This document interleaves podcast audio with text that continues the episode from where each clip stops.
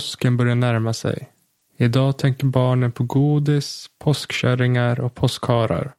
Förr tänkte barnen på Jesu död och återuppståndelse.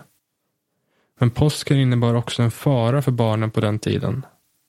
Det finns en mörkare bakgrund till varför vi firar påsken som vi gör idag.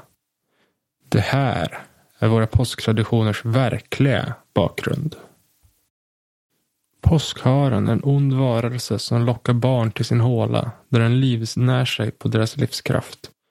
För att locka dem tar den skepnad som en gullig kanin med stora glansiga ögon och lurviga öron. Och den lockar barnen med socker. Man vet inte varifrån den kommer eller när den först sågs. Men jag har tagit del av originalhandlingar från 1822 nedtecknade av en präst i Bergslagen. Det står att barn försvann på långfredagen och att det senast sågs följa efter vad som såg ut som en hare inne i skogen. Efter mycket letande hittade de barnets sko intill ett hål i marken. Utanför hittade de även sockerbitar på marken. Barnets mamma försökte krypa ner i hålet, men det var för djupt. Så resten sprang tillbaka till byn för att hämta spadar att gräva med. Men när de kom tillbaka var hålet borta och mamman som hade stannat kvar för att vakta hade tuppat av. När hon vaknade mindes hon ingenting av det som hade hänt. De grävde överallt men hittade aldrig hålet igen. Året därefter utspelade sig en liknande historia i en grannby en mil därifrån. Då var det ett barn som sågs jaga en hare in i skogen med handen full av vad som såg ut som stenar. Barnets pappa var av den ängsliga typen och tyckte inte om att barnet sprang iväg ensam, som följde efter. Han kom ifatt precis så att han såg haren dyka ner i ett hål i marken. Barnet satt på knä och tittade ner i hålet och skulle precis krypa ner när pappa fick tag på dess tröja. Barnet skrattade och var allmänt glatt men stenarna den hade i handen visade sig inte vara stenar, utan sockerbitar. Barnets berättelse var Jag såg en fin hare och följde efter. Den hade en sockerbit i munnen och gav till mig. Det var gott.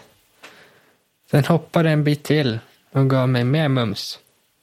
Den hoppade in i skogen. Det var sockerbit på marken. Många sockerbitar. Hoppade fram till hål. Försvann. Gick fram. Kolla. Mörkt. Såg två röda prickar. Sen drog pappa bort mig. Inget mer socker.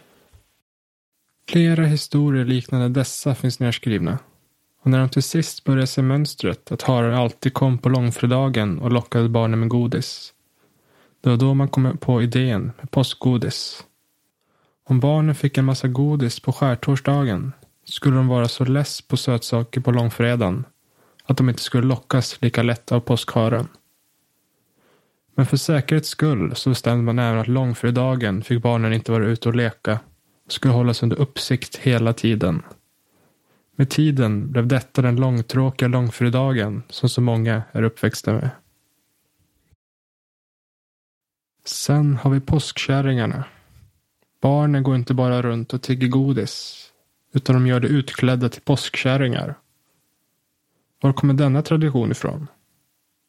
Det hela började med häxprocesserna under 1600-talet, där främst kvinnor anklagades för att ha brukat trolldom. Hade de otur brändes de på bål. Och det är här påskkärringarna blir till. När elden slocknat och nattens mörker lagt sig över byn, då reste sig något från askan. Kroppen är bränd och hon rör sig med långsamma steg mot ett av husen. Hennes eget hus i hennes förra liv. Hon går in och börjar leta. Leta efter kroppsdelar. Getögon. En vårtig groda som näsa. Och en ödlesvans till mun. Sedan tog hon sin kvast och borstade av askan från kroppen. Tog på sig en sjal för att dölja sin hårlösa skalp och tog på sig sitt finaste klädesplagg. Därefter gick hon ut, satte sig på kvasten och for iväg. Och ni vet nog alla vart hon for. Till Blåkulla. Blåkulla som har fått sitt namn från att den varje år vid påsk fylls av blåsippor som gör den stora kullen blå. Den tros befinna sig på en ö i Östersjön. Men varje försök att leta efter den har slutat med att båten och besättningen antingen försvunnit eller har kommit tillbaka helt psykotiska och inom en snar framtid dog alla under mystiska förhållanden. Varje påsk får påskkärringarna till Blåkulla på skärtorsdagen. Men som hämnd för att de brändes på bål rövade de med sig barn på vägen dit. Detta plågade människor under många år. Men ett barn som kom tillbaka berättade något som skulle förändra allt. Påskkärringarna respekterade varandras revir. Så om en påskkärring redan var i en by och letade efter en unge att röva bort åkte hon vidare till nästa by istället. Så, genom att klä ut någon i byn till en påskkärring varje år på skärtorsdagen så höll man de riktiga påskkärringarna borta. Det blev med tiden så att barnen klädde ut sig, för det kändes säkra så. De skulle inte försöka sig på att röra bort en annan påskkärring. Så det är här våran överkonsumtion av godis och att vi klär ut våra barn till påskkärringar har sitt ursprung.